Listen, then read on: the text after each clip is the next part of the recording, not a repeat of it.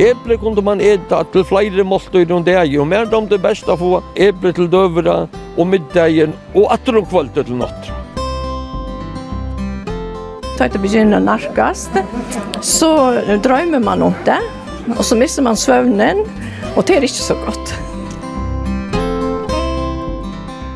han var så allmäktig och Han äh, kräckade i kött där ute så han inte skulle få bort det. Men det var inte så lätt nu.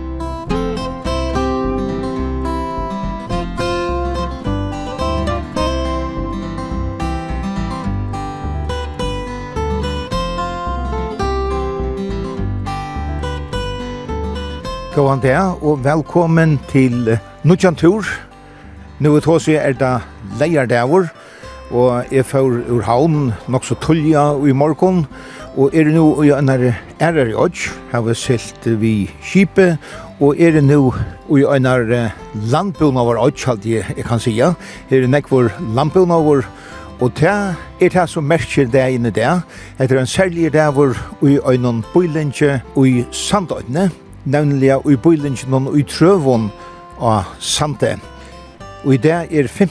Eplafestivalen her, og det er regnet etter i morgen, men vevor forsøkene er gauar, nå er torst, og her er det velfyrir røyka og vanta nekvar gjester, ikkje bare hian i øyne, men øyne ærestan fram. Og eplafestivalen fagna tei hestenon og grøyene. Hette er vi Tauri og Tore og Eplafestivalen og Sande.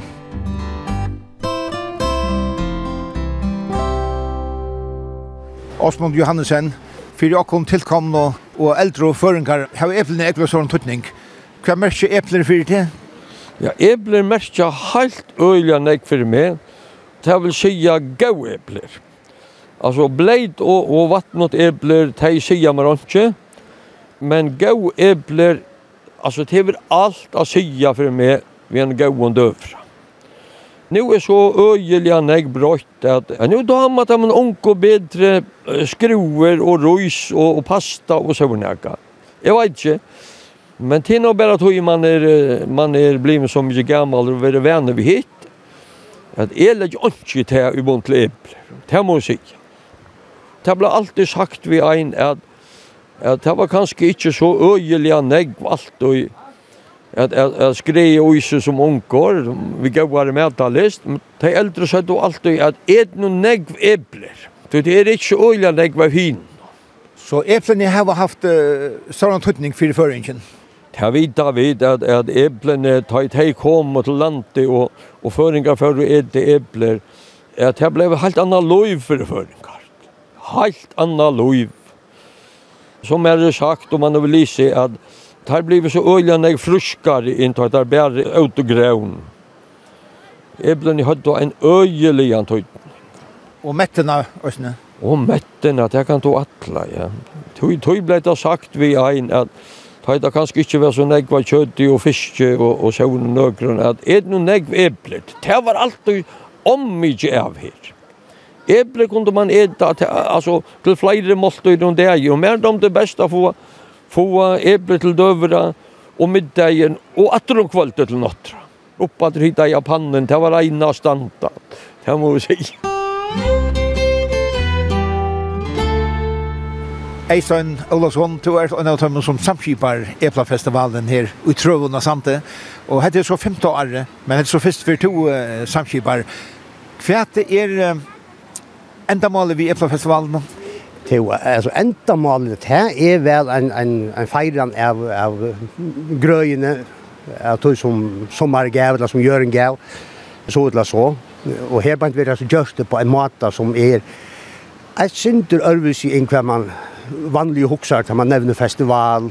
Det er alltid man rolig kan si. Jeg synder bygdas litt, Det som ligger ut ut det er sier sin det bygdaslet. Det er hentet togjen til du kommer ut av där smarre bygdene, hentet togjen her om häste. Det er en sånn feststemning går ut i bygda.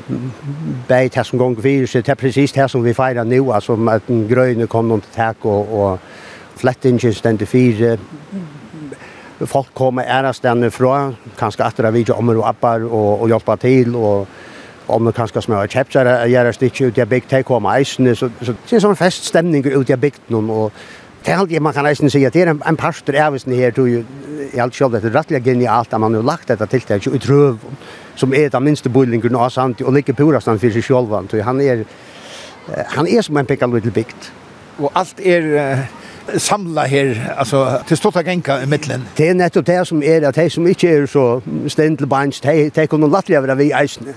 Så det er et øyelig öjligt i området att flytta seg fra fra det heimaste til det til det nästa til det. altså häst i ute i bygd det er, det, det er en helt særlig stemning grann. Det är inte nämligen att förklara akkurat men men men er spenter nu er väggarna standa fire nu er Men er spenter og det er en reip ikke snackar om det. Så det er øyelig hoa litt tog Ja, altså jeg husker jo med det til, tiltak her, men det er kjørt å komme huske om, om amerikanske tankskriving, altså. Det er jo eisen taramat jeg feirer, det som er grøn kom i huset, det som, det som var gava. Det er nekka, nekka det samme, altså tanken og som med støyleren i sånn, det er en helt annet. Det er slett ikke samme bedre, men, men selv, selve tanken. Nå er det det eplafestivaler, hvordan sentral er eplene? Eplene er jo nok så sentral på den måten at, at, at det närkar som är förr som att det var äpplen som vi drar som vitt och, och det är sett det eneste som, som när de alla familjer har vält har vært sine egne äpplen och, och til det är det som har vært och i näst störst nögtom her, här i Og och her här sant det här det är inte att sig att tro at, att man kan akkurat som ikke kalla det det bästa landet det er ikke i hva stod, altså. så nu ska jag ta noe fra kvalpen kontar, jag går och sant gjør eisen, men Men det er helt særligt, det er äpplen. Her er en traktorer som kører rundt her og i bøylingen ved en større last at rør og, og så gjerne stender epla aleren og en kjente klakseskjenker sånn at Johannesen har akkurat vært vi Hvordan var det å være vi epla aleren? Jo, det var godt. Det var godt på innholdslig. slag. hadde sett gammaldags og, og, og, og, og, og lemte at komme fram og bøyle gratis, og så det, det er fint. Er det første før du er til Eplafestivalen? Nei, det er tre år er så, så det er hattrykk. Vi er såleis, for det er tvei, altså vi er tvei pør, eller et par som vi bygger her av Sande kvart der, og, og det er vi ikke akkurat, det vil det var, det vil det var, så som, sommerfestival, og Jeg för så her, nå, nå kjøper jeg inn, alt grømmet og høyla frate, og tenker man når dere etter høyla frate. Så det er, det er avtale, og det er ikke høyt. Så det kommer några sommarfestival och det kommer stora äpplafestival. Ja, det är det. Jag får en avtale vid här. Kan då man där äpplafestivalen? Men det var väl. Det är gott folk och festlig fastklassla och gott vever och slatta gäng, ganska bräcka och Det er bare kvar kjattlar og alt. Kjøtt, alt, alt godt. Det er alt. Det er veldig, det er godt. Det er godt, godt tiltak, det er alt. Jo, jo. Det er fint.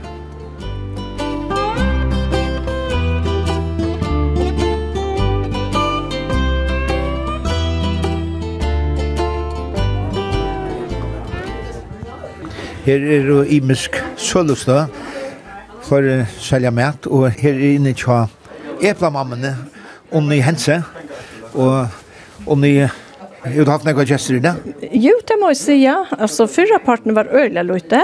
Men nu har vi tatt vare fra toja supan kommer att borra. Har vi tagit vare rätteliga nägg för alla togene. Du ser det så stora grytan utanför det här. Här nummer tre gryta. Så her har vi vært ratteliga. Hatta är röstsupan och alla möjliga orster som våra diska gärnon, det är äppler, gläskval, gula rötter, här är leikoi, Så det är allt framlagt här och köttet är så kom ur hejan och tjock. Och det er en god känsla att kunne bara jag vi ödlen tog som gärren kan bjåa? Självan det är det. Det är det är klart alltså att man häver så negv och bjöa. Alltså vi begynte med vad nu är först i forsen och diska negv äppler. Och nu har vi unga tills i vår och ja ja, det är man bara säga åtta och jön helt jag vara helt otroliga rösk. Så det är deilig at man har skapt noe, og de unge å takke vi, og gjør det opp at det er bedre enn hva det vi tar gjørst. Gæren det. Kæren hever mjølkjenneid, men vi vet ikke det var nekve epler og tid hava nekve anna vokster også, Altså epler og gularøter, røter og glæskål, leik av imiskens leik, bare kvitt leik og, og vanlig leik, rei leik. Så vi, vi der rettelig vel fire til halvtid.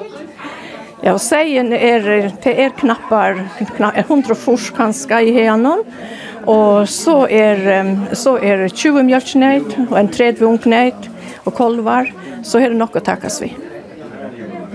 Og hvordan er det som dauer en kjantar, er det en særlig dauer og Arnon, ta Ebla-festivaler er? Ja, det er det, utan Iva. Altså, jeg har jo alltid tid som møtt folk til med eisen inne i fjallastovene, og jeg elsker et arbeid, men vet du, nå er Arnon, nå er skjeitallet kommet fram om, og da er man ikke ung langt, så jeg vet ikke hvordan jeg var i halde til det nej, nej, men alltså det är nägg nägg fyra rejsingar jag bakar nägg brej och och rullepilser och här är nejtatunga, skärpekött och allt det allt ska göras. Så det täcks ju natur. Och så är er, det så galet att det börjar narkast. Så drömmer man om det och så missar man sömnen och det är inte så gott. Och här får ju andra stöd som sälja mat, altså här Angel nu ska inga svenskar här. Nej, här är det alltså dottern och även henne de har haft pilsebu uppe i garasjene, Och, och vi det var så hette här och inne i mistovni här är så till, till nocka det mätstöd till alltid ikke snackar ska bära svanker. Ja, og jeg synes ikke at Mauren Peter, han konger atter fram, Ja, nu, nu kom han här. Han är, är han örna från eller? Nej, alltså, vi hade ju fyra räkor från påsa sopporna. Så vi började inte gå här tog och koka rastkött och så åt de kvällarna och, och skär och pia i och, och kardipåsar och frystet det fryste soja eisene. Og så i jord tar koka vi epler og gularøtter, kolerabirøt og glæskål. Og det ble så alt skår i munnbitar. Og stod i kjadla klortlokar i soja, så det var nevnt. Men det hever hans det i fyr i det. Etter oppskrift fra mer. Men nu stannar folk i kø, så nu må jeg færa. Takk for at du pratet, og ni.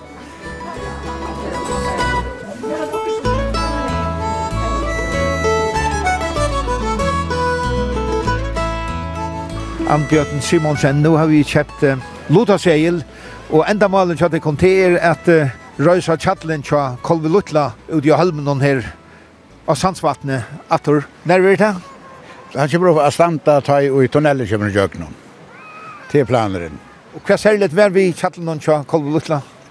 Ja, det særlig var vi til at han var så allmektig og Gøyri som prestar er flest. så han, han uh, krekva i kjøtjere ute så han ikke skulle få av bort det av. Men det var ikke så läs nu. Prästen släpper släpper ut. Så det var äldre män som ja, han hatt och så har det kommet torka skinker och så har det ut här och ostar. Och vet att det hur chatten chokolad luktar så ut? Nej. Där sitter ikke som minnes det men men vi vi gitt och kommer til helt det. Vi da var gå med boilöd och och så var det så vi bara med och etter och så var det bara gjort på på tandmaten og her og Epla-festivalen noen få uh, og kort utskøyde til ja. verkatlandene. Ja, ja. Nastan øl kjeipa. Du kjøpte bare ein. 100 kroner? Ja, det her kommer vel vi. Kolvo var glad for penger. Hva er vinningene? Man kan vinna en seg, og tvær seier, og trudja seier, og fyra seier, og han heldigast vinner fem. Men vi har ilgrunn om man bonte vinner til, men... Vi hoppas som fredast. Tack för det. Jätteläge. Och gå ett nå. Tack. Gudrun Johansen hever akkurat fyllt 95 år. Hon bor i Høsvøk, men er atta ur trøvun av Sande. Gudrun, velt og tid negv epler i oppvøkstrunum? Ja, det er det. Vi velt i eisen, vatjan velt i alt i epler. Den eldre bætti med tjei ta i papen døye. Ja. Og han tok så vi, og han meldte alt det som skjer her inne, til inne i del her. Og han slå trønna, ensam alltid da han var tjej år, men også altså sier lærte igjen, akkurat av sista bøtten. Så at han er veldig en gøy med trångt. Han spør på at han er ferdig. Annars gjør vi alt, vi tar tjej og hører i torve, og så sier han neitar, og bare kjenner på at jeg er snart for inntil neitar for mamma over kvart. Da var det ikke mer og verre så hva mer eier. Nei. Blev det nekve epler sett nyer, nyer samten og nøysene? Sandafløtten? Ja, her nere ble eisen sett, men det var bøndrene. Vi, vi tatt i en natru en ideal. Her inne i Valsøy som var klei, bant i brev. Vi skulle landa. Her velte vi epler, og her hodja jeg vidt det var ikke vi bilen, da gikk vi bare etter og fram. og så hadde vi kundene her inne, og så sier jeg at han tog en vær, og så gikk vi inn her og flytene, flytene midt om det gikk. Det er nok så lengt. Ja, de visste så alt var til gang, etter og fram.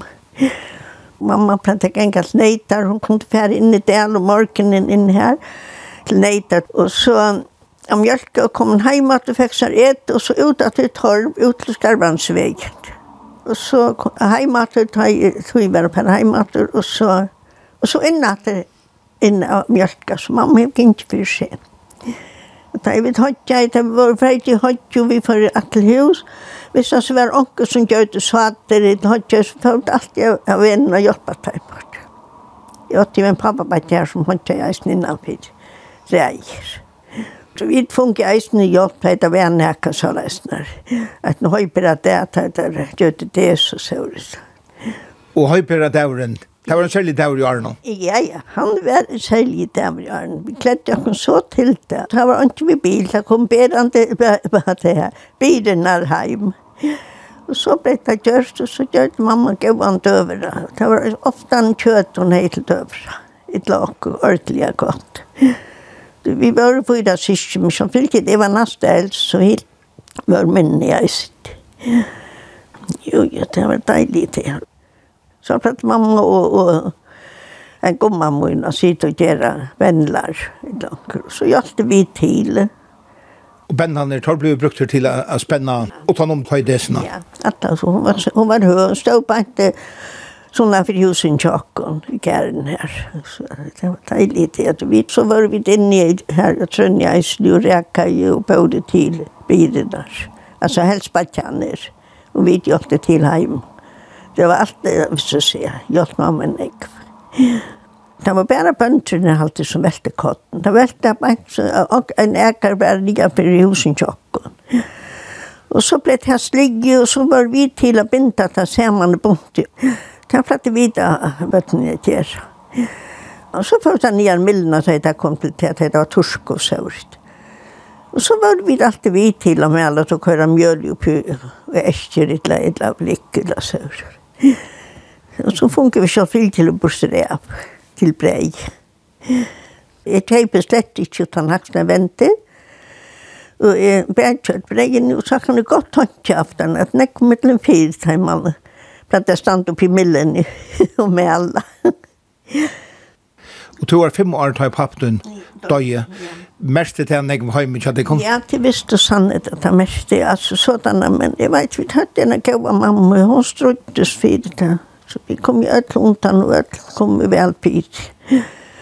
Hon gikk ut og så sier jag röjda och vaska hovet rent og søvlet og hjälpa til. Og så jag fikk hun forskjellig att det fyra kjøtt og utla binta og søvlet. Og da var vi tatt omgang til svenk. Mamma, kan, vi tatt kikk ved husen og høner, og det var det som bjerga jokken og epler. Og så fugl og sånt vi kunde gott få en köpita fra bönderna, altså helt pappa til mun, ja, eisen kjemmer nu, og så kunde vi gott få fra ta en den bönderna en bita.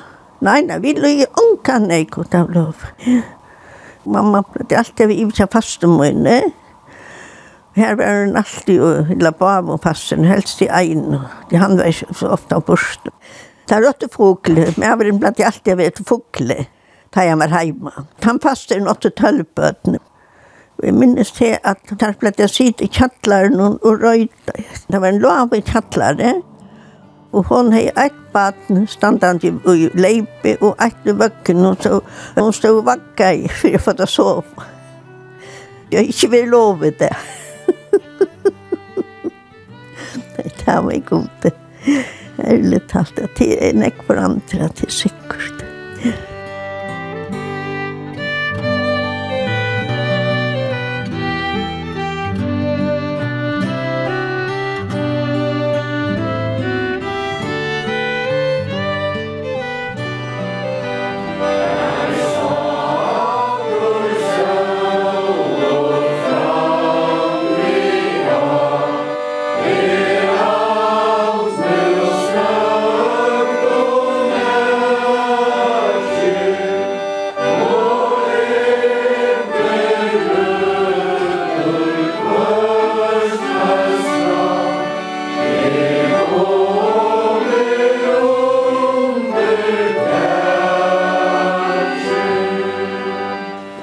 Jakob Reinhardt Hansen, kvært leie du den da i praktikene her og godsannasne og Eplafestivalen? Jeg rønte at uh, vi gjør at han uh, klassiske spørningen om det nå er jo vit som er høyere enn fire at vi får det vekse, eller at det er god som djevor Samme spiller i, i midtelen heseberget. Det var lukket som tema.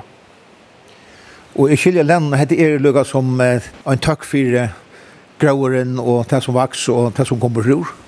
Ja, det måtte sjølvan til være, og det var det østene mest av tøymon, mest av tøymon Salmon som vi sunko, at, at tøtjen, middelanda, nu kvittna tintar, og det er kanskje neka tullja, sinja han langt nu, ta i mynden er til hånden atler er komnar på plass, ta er vi ut i møte 1. november.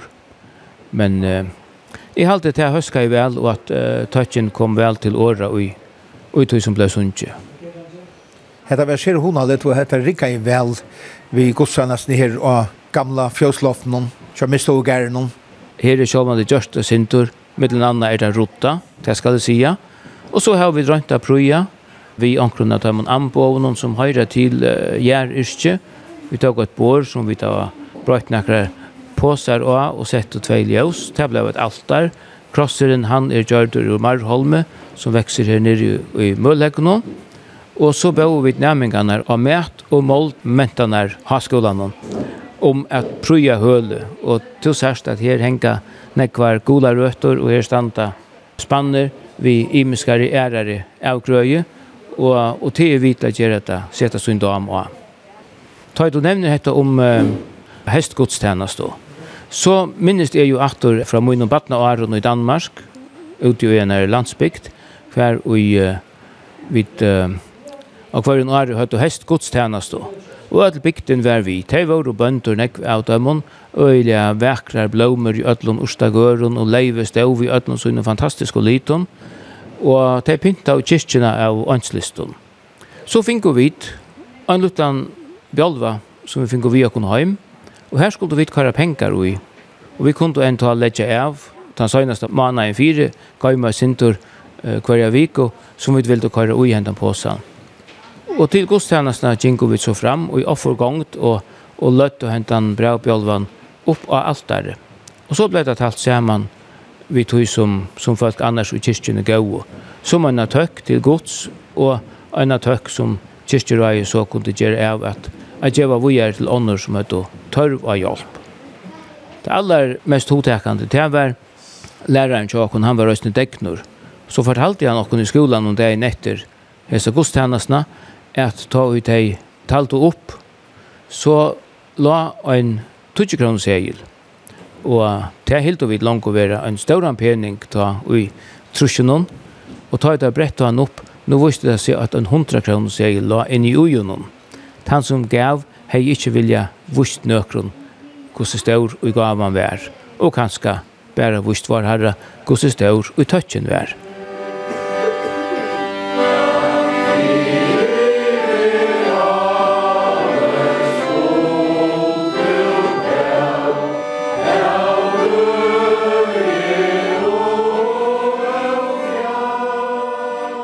Katrin Petersen, du var til starve til vakstrar atlandene Sandøy. Og i tog samband noen blei samtætje Veltan, fela i Veltan, setta stål, og Eplafestivalen byrja igjen, etter så femte og fyr. Hvert vær, eller er grunntunksjåne vi øtlenes ned? Nå tar vi sjående særlig om Eplafestivalen i før. Ja. Fyrir jeg kommer til hva Eplafestivalen er, så må man først ta hit. Så må man først sige at grunntunksjåne er at, um, at i fyrjon velta vi alt for lyde av grømmete.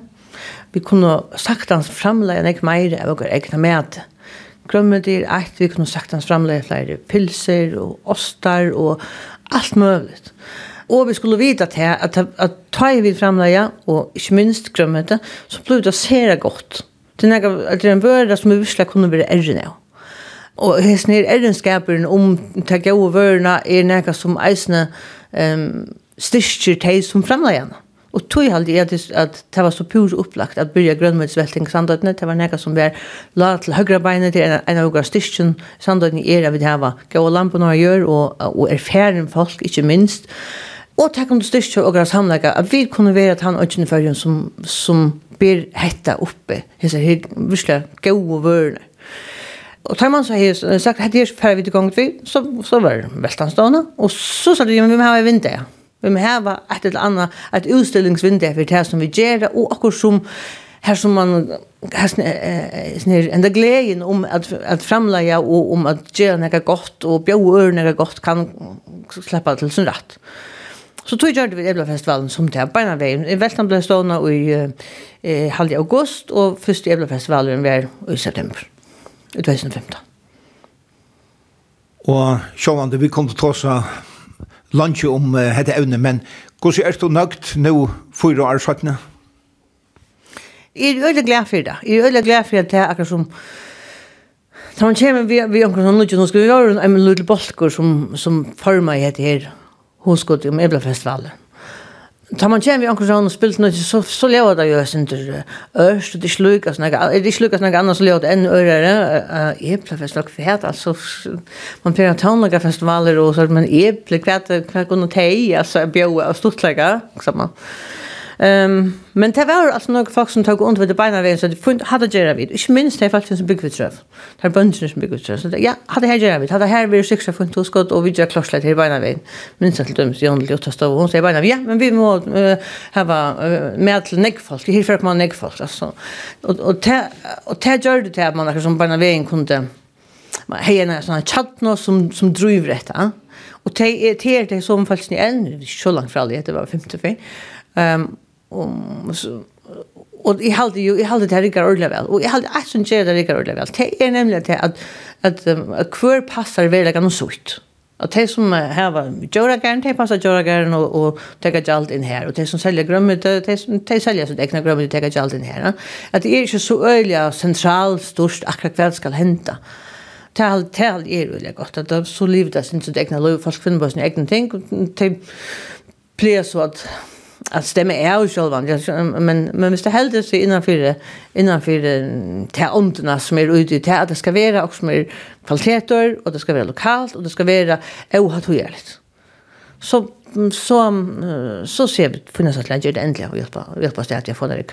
Och är så att vi santaingar som uh, bekvärar sen komma av Eplafestival och och också när andra folk uh, kring landet. Ja. Ja, det, det var så jeg det et ordentlig godt høve at at um, kom og leide etter slåene hvis man ikke bor i øyne mer, og, og jeg synes ikke øre folk som bare gjerne vil heve akkurat som er en vassla, men som er en at man er avslappet av og kjadler av vasslen, og her som man kan godt komme i, i kjeldrakt og gummistøvlen, og, og ja, pyrkjøs fyrne, vi er bare som du er. Og er Eplafestivalen blivet tannsynesklutsjen som uh, atlan var fire veltene og tuvirksjemmen? Altså, jeg halde alltid at vi kunne gjøre mer og, og vi äger att kunna gjøre mer. Jeg halde det att jag när som hon så er det til, um, Et som kom kom vi i fjør, og et som er um, parstvis vi er, Det er ikke parstvis, men vad et som vi er, är var at här var en en pallborsfond och och och här var några några fyrläster och som ehm omfram til mer gildes prega jeg sier at her, vi, vi skulle, vi skulle eisen se noen ting, vi skulle se denne dagskra eisen, det er halvgjør øyelig viktig, um, og så kunne jeg godt lagt meg ganske at vi Ehm kanskje et annet år fink og vidjan av omkron er plassert fra en omkron helt er stand fra. Det kan være at i norr norr eller i Finland litt omkron er finnes folk som hadde vært virkelig interessant for åknad at hørst. Jeg hadde vi skulle bli kanskje at diska til jeg synder å få ehm få få nudja nudja noe blåst og eplefestival. Jeg var ikke bare er epler. Ja, jeg har ikke bare, jeg blir helt faktisk, det tar ikke så langt at vi så skilte det til at det handler ikke bare om men det handler om om, om uh, alle landbrunner er framlæsler, vi legger noen usærlige til framläslan som er så mycket lyd til at, at, at framleier jo kjøpere kunne få, uh, få, kunne få prata om det. Og i år så rent vi en palporsfond, og det var, jeg sa var så om mjölka framläslan kom det ikke bort ur? vet ikke noen nye støv, men i halvdelen det kom noe så greit fram, men først forbrukere har flutt seg, sitte mer krøv til gosko og vistfrøye og djøra velferd, og at um, tema landbjørnaren eller framleieren helst trønner at fylla vidt.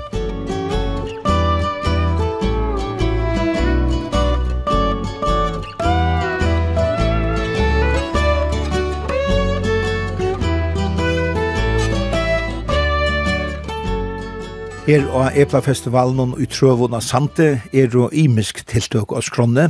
Er er til dømes Djauragerer og Kjemmegeren, kapping og Eplakaste, palborsfontor om mjölka framløslo, møta sjå og søttene godstennasta av gamle høyloften og mistovene, og Pop og i Verstenen tja jekvann Gopa, bare for å nevne nøkker tiltøk. Og høytjosloften og Ottastogeren selja bandafølgene Jonhild Jakobsen og Ottar Hense, Imsa Grøye. Hette vil være et særligt år for tei, tog tullja i sommar finko tei saman vi øron her og sante, ein stóran stauran høyur i Uslande. Tei vunno eina Emblo. Ottar, hva er det? Embla te er nega som um, norrlenskan høpe her og, og uh, man heirar mæte som held. Og te er så bort opp i flere bolkar og vi var innsett saman vi veltene og mistogerne som medvur framleieren. Så vi tog då som kanus då vi vid för det visst du vinner när för det visst att du vet till några framlur och har några andra gjort så det kom rättelig ovart och kunde jag vi vann men så vi var över över fejet. Vad var det som körde till att vi? Alltså det är alltså inte ringt framlägga grundmedie i färgen. Og det er kanskje eisen det at tanken den vi da har gjort største parten av røntgen selv her av Sante. Og så velte konseptet her en AHA-fellesskap som røyner av Birsta AHA for å velte grønnmøte selv og, og velte, ja, som er alt i førjen. Det har vært en sånn kombinasjon om dette her. Og eisen tær som hadde hjulpet til vi framløn jogen hadde eisen gjort et stort arbeid. Og det var så gjennom oss for innova og sikkert fra bandafellene. Ja, og Jan Hølte, lägger det trust att det kunde det alltså. Tid var några varor här sälja här och har ju slått någon. Ja, man prövar att sätta och nytt kvarstår och göra runt vita kardickar. Johans eller misstog är det prov och vältan provar och och vi prövar och Så man rör att låta hava mer och vi hava också näck urvat. Einstein snackar ju om Einstein hur snäck var det där? 16 han är kort ut till till mät eller recensioner om vi kunde bjuda framma. Alltså 16 imisk ting? Imisk ting, ja, som vi framlade. Her så det, så ja. Så det er ikke lytt. Det legger oss et av oss trutt, det kunne alltid da finne så disse høyeslønnene? Nei, det jeg vet ikke. Altså, det har sett eplenyer nekvar, så har det alle røter, og nå har jeg her fyra år, så har det bare blivit mer. Ja. Men du ser det mest av eplen og, og rød, en sånn av det, og gula røter, ja. Og hva er det som er særlig spennende i løttene? Hva er det særlig til røyne for å vekse? Ja, det er røtter, og det er hva det rikker, og ja. Men vi er gruelig og avlåpen av kalfloe, sorsene, så det rikta få kal, altså. Det er smittevanten blir så, nekve truste blir så intenst, eller ja. Det er som svarsta spidlet. Det er vi særlig ringt i år? Ja. Jag vet inte om det var värre än utanför, men det har vi ringt ju. Vi har haft en fantastisk gott sommar. Det har varit så gott väver alla døgna. Och det här har vi gjort det smittet i halvdiga smittet tror jag är väldigt stort. Det har väldigt torst och lukt. Men växterna har varit väldigt god. Men det är så som man må täcka och finna det och Jag tycker att vi måste finna en felaktig last hur vi vi kommer vi göra. Men Golaröder och Ebler och Garakal och sånt ting. Det har vuxit upp pura alltså. Och ta vanliga roten. Det är klara. Sälja sig kalmöl från som sätter av blöjne och lägger larver av blöjne. Så han det är måltid röjna får växa. Mål arbetskampen alltså. Kanske är jag nog en mittlen vøksteren og, og neitene? Ja, det var faktisk just det at det var særlig strev å få, få frut og tog jeg tog og vann vi har haft jeg løyde glopp om sommer her og mitt tar vi da slig i fyrre før til å slå ære før det ble borstor så luka vi til luka og luka og luka og luka. Og til at han har vi da slig i ære og til slakte. Tar vi reisen vi løsene fri alle men tar vi da vi da ta opp. Og vi tar opp løyga til februar, mars så börjar vi att så att så mellan är faktiskt för en att, att nu arbetar vi 120 allt år istället för vi var nya fors för kvart. Vi tar nek unga hjelpåkon. Vi sier han i 15 flokk, men i er, ta i Eblaveltan ble hyppa, ta av order nere i fjor, eller teg nere i fjorda flokk og te. Ja, og så ta det ble vi meira vi glömmer då tar vi äldre böt och teier vi slörösk. Så, så vi har haft nek mer arbetande i, i sommar än kvart undanværende år. Det har vi inte kommit till själv, det er ikke kjans. Og teier glede för att tjäna sina pengar. Ja. Alltså, vi lägger oss den gröna mentan nu i unko och det tog man det ulsalja väl den lött då. Så vi där och just så jag sa där på en vart timmar och så en hona lött och så arbetat vart timmar så det livet. Ja. Och, så, och det är gott vi över där arbetet, inte i kylen och fattar en vägg att det blir ont Så det är stilla och roll och gå en vägg. Märks att det är folk är glada för förska framlösning? Ja, ja, vi kunde sett näck mer ner. Sälja då kom ut och land till att sälja. Folk är omedalliga glada för och vi är väl sola i väsen så långt gånger vi alla så att det är ordentligt stått lite. Så vi køyrer runt allt fyrir land, Johan ser klaksvåg, vi tar vi Estrøyden Sore, vi er bara i havn, så at, men sånn langt ut av bygd og kommer her, jeg, bei mentan vi grønnmøte kanskje ikke kom så ille vi ut, og til at jeg veltan jeg sjolv. Epler og så hörda affæra langt ut av bygd og selge epler, sjolvtan etna. På i hvert fall ikke at det ikke øyla vel til, Og den forskjellige parteren, altså, er det en tøyende parter av vinnenkjøttingen, eller er det godt uskøyde? Altså, det, det, det er blivet, det er blivet, særlig etler og røtter. Hitt er, hitt er mer at det var flere vører hittelene som til stortlig komma. koma. Altså, tja kundan, det få alt med limmal gjør. Men epler og røtter og gula røtter ser ut som at her kan mest bli et uskøyde nu är det ligger nog så långt utan dig till det och skällt näck vid det. Ja, ja, ja. Och vi vi det vi är Rosta Minkas bäklebors ja. Nu nu nu bröt du så lösen från från sen här. Nu blir jag föräldrar ganska var hemma med bötten och kommer att ett lamar västliga parten av Ebla festivalen och när och hon är poppen och borralt och så är det där så att nu skiftar lösen karaktär. Nu må få få kuttnar innat så vi får mjölka. Nu börjar det där rumsen runt fjøsåren stand åpnar, och det kan gå ut og och og seier nere, och kolvar, och allt hönor och gæs, och donner, och det, det är det som tillträcker botten. Det tar man dem någon salja väl. Ja, jeg vil si at det er en helt arbeidse festivaler, og ser hon hun allir. Ja, ja, men det er, det er heisen det, det er langere og langere i middelen djøren i fyrjen, som du ser, altså, det, det er flere og flere som simpelthen bare får en tag etter håndene og være inne. Til mjøkken er det framleisland, hun er sauna nere og i 20 ender så där nu. 21 ender nu alltså så att det var längre längre mittlem man säger han gick. Forskon nästa så gärna gick ute. Så vattnet här det var helt stora att kicken går spollan ju man gör och man gör ton ju och man arbetar. Ja men till bäge tack för pratet och gå en arbetsho. Så tack för att du kom.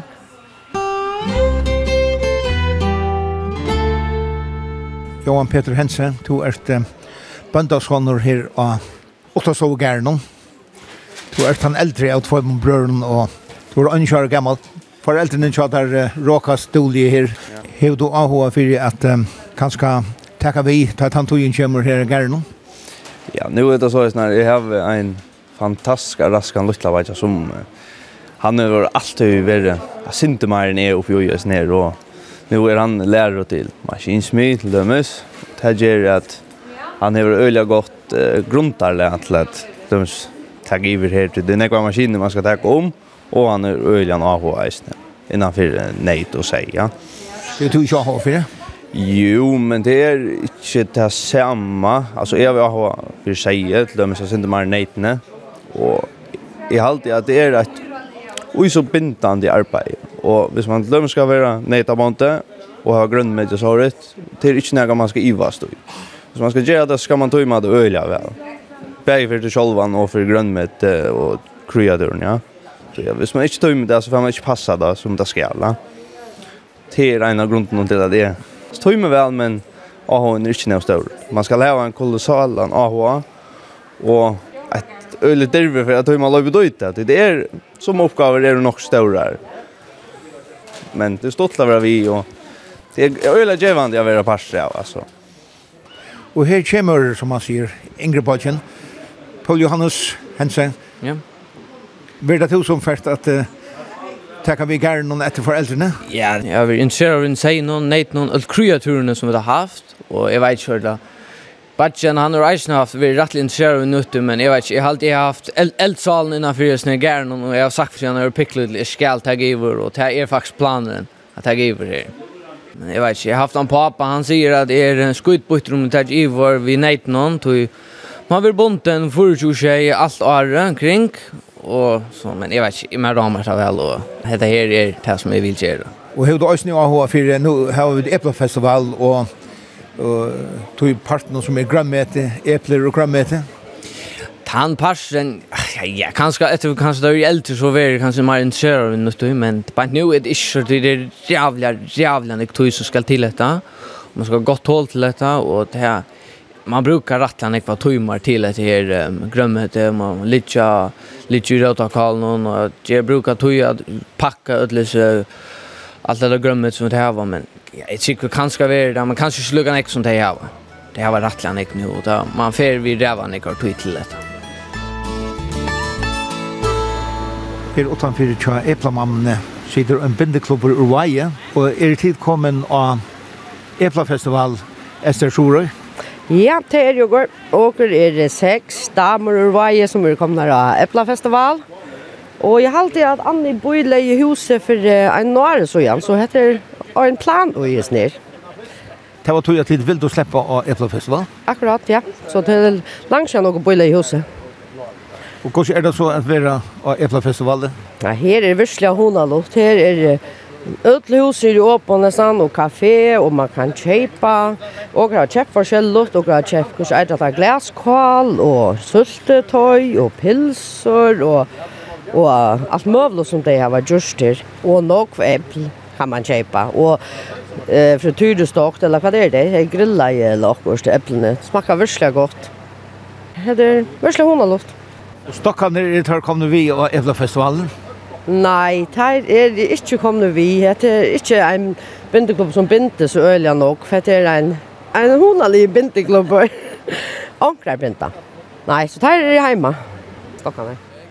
Og grava leiogon en hus her, hinemenna, og det er en, og jeg er sånn her som er sånn, ikke sommerhusen er her, sant det. Er, eitur streimastova som okra leier, hitapotter og alt. Det er virkelig hyggelig hus og virkelig flotta utsikt her og går her som okra byggva. Man ser i vår her gråthusvatten og ut av fjorden. Virkelig flott utsikt ur eh, sånne sommerhusen. Så til være her om vikskiftet? Ja, og kommer norr vi prins heter nu, og så var vi testet noen, og være her til umorgen. Ta får ikke sammen først sykla norrøtter og så solrøtter. Så det er ordentlig fint.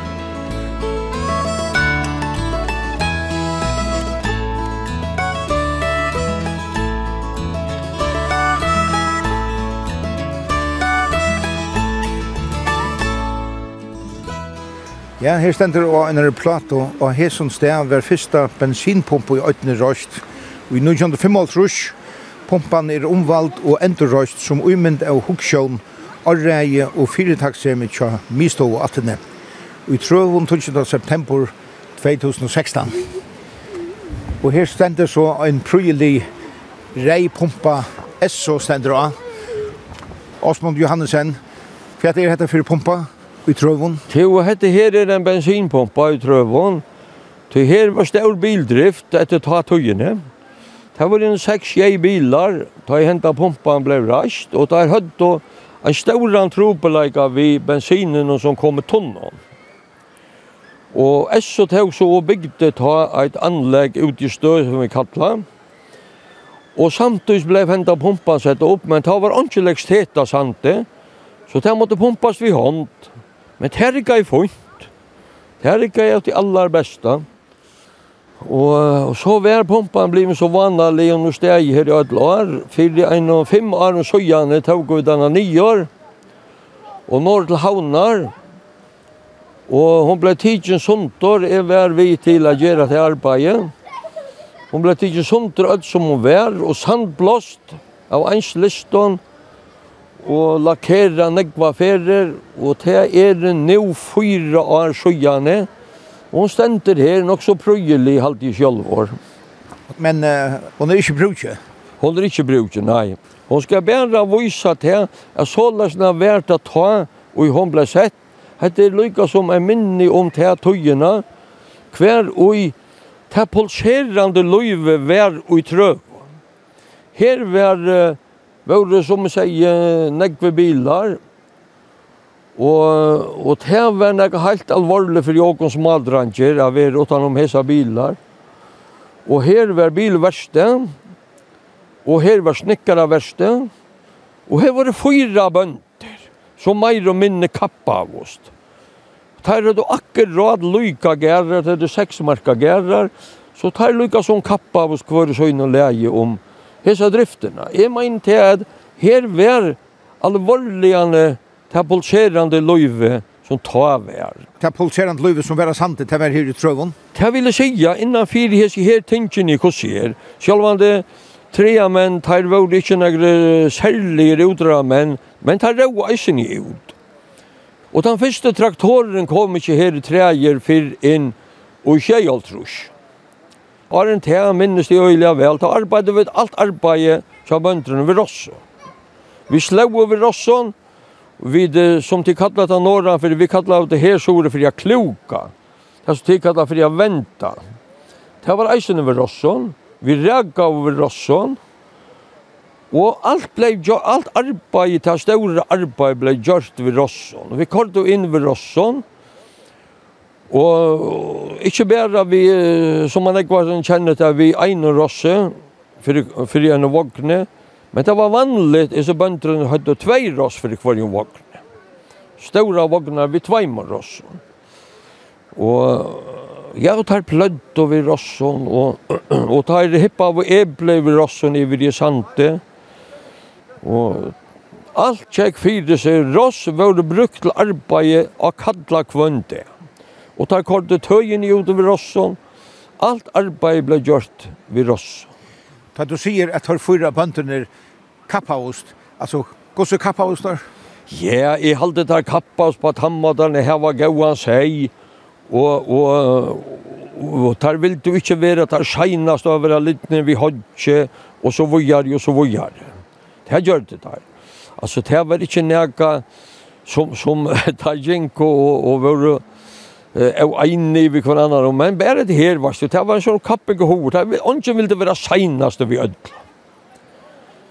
Ja, til dømes var det så løsner at uh, ta ble ikke brent utan torv.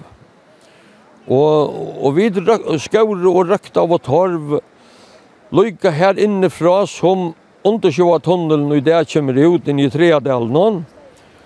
Og alla vegen hødde vi torv imsa stene lykka ut til Stauravatt. Og det var mankan utrolig trøttande til åkom bødden. Og av være samma vi Abban, men han var så unaturlig og i halten, altså, altså han, han, han gavst inte i arbeid. Og så færre folk heim tar vi og, og, og vi hilde så när vi Abban ofta en hikk, När för vi heim, nu för att hej och nu för att hej och nu för att hej. Och abban säger lägg inte ut det. Låt dig bära färra. Til meire vi gjør det, minne være til morgen, ganske. Ha? Han var så utrolig å få neggbors ur alt. Abben snakka jo omkant i om nøkker røstes bragt og i arbeid. Det gjør det han omkant i.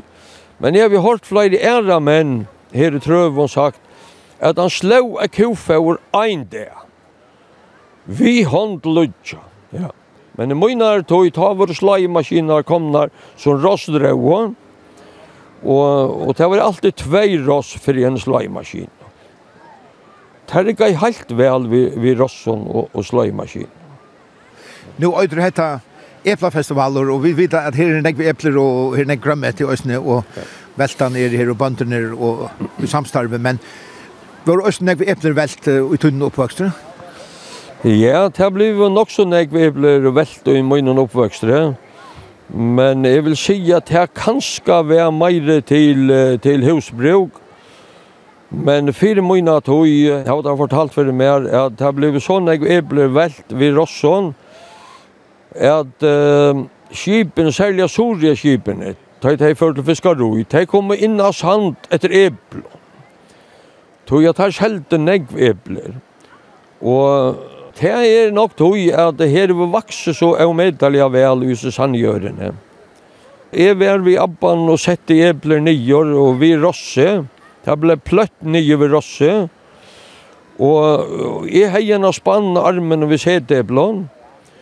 Og det hei omgang tøyden hvordan akkurat dette var vi sin eblom. Så jeg var i middelen og hvordan beint dette var.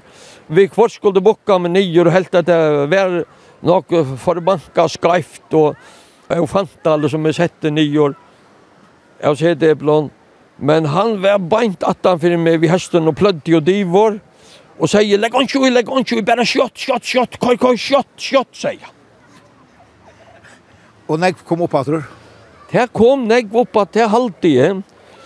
Det hoksa ikke nek om ta, han var så tøy, man var så unger.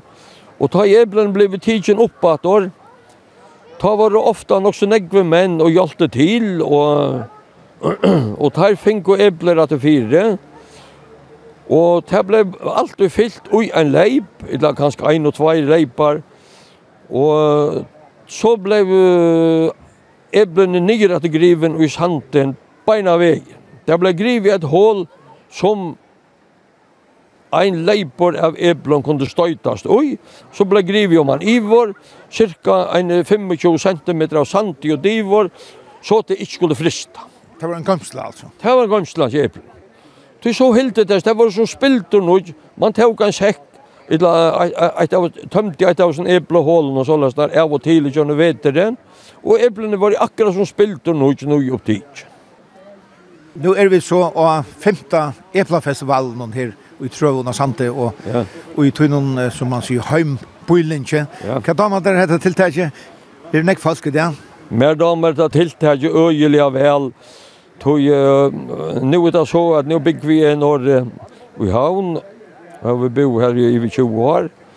Og jeg halte jeg heter det ene standande tog at uh, dagligdaveren her halte jeg alt annet inn til tunga arbeid, Man vil ha nok så frihallig. Så hette her er oførst. Det er alt.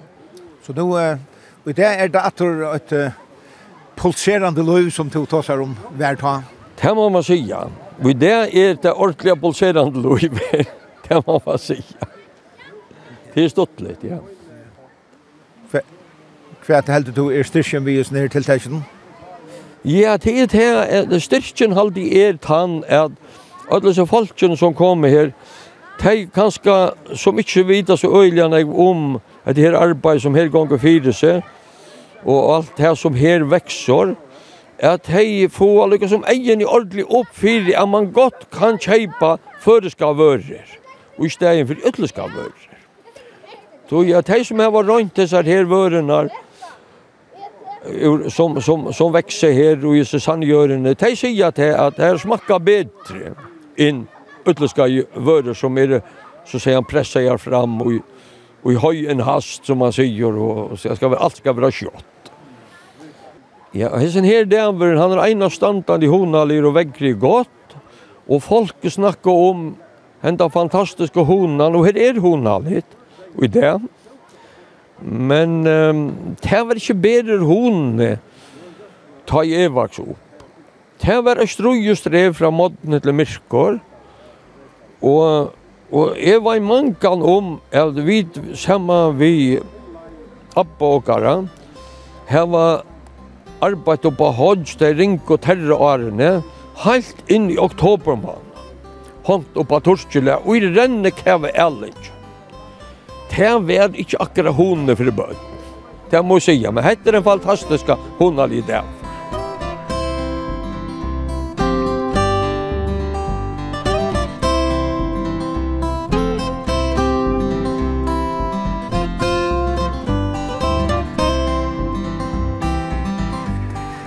Det gassnar helt stort att höra där. Hva er det nå? Ja, altså, vi vil helst ikke ha det der fer i etten i gularut, men det kan være onkel kort av flå nå, i suttje ikke ordentlig, men der sitter det han i kvesmennene, i pottmøse. Vi kan ta fer her nå, ikke her, her, suttje der, sørst du, her. Vi tunnelen, ja, nå suttje ja, her, ja, ikke atlan, ikke sørst du, ja, ikke, ja. En stor flott. Yes. Og så fjerde der ut, ut i Djupadel, her sitter det eisnek. Så det er forstår han ikke. Yes. Ja, det er et han ikke. Det forstår ikke han ikke. Det er et han. Det er svenker. Ja, det er. Ja. Ja. Det skal smaka her. Det ryker ut, utlån. Det kan ikke være veldig mykt. Så hatt her nere så lenge. Ja, nå fer Epla-festivaleren her i Trøvån og Sante, et hattla og hesson sinne, Det er av allar fakrasta vekkre. Og nå får jeg dere grava kjøtt i oppator som der heva grive nyer her fyrir parten. Sammen vi gløande støynon, bant utanfor bøylinjen, lamskjøtt. Og det er så ete og særligjon borhalte som er middeltei søgnast og tingene som henta av Eplafestivalen og i år. Og hette vi veri en gaur og hendingar og gaur og eisne lærer og gaur og negg folk og godt vevor. Sendingen er atter at høyra i utvartnum torsdag klokkan 11 og leierdag klokkan 4. Og du er også målaga at høyra henne og heimasynet til kringvartnum skriva kvf.fo framskak tt. Og hon er også som podcast. Og vi tåri og tåri hever også sojo av Facebook og her fyrst og æsne møløyga at sutja mynter fra Eplafestivalen om 2019. Takk fyrir hesa fyrir, vi tøyrast attor om øyna vikon.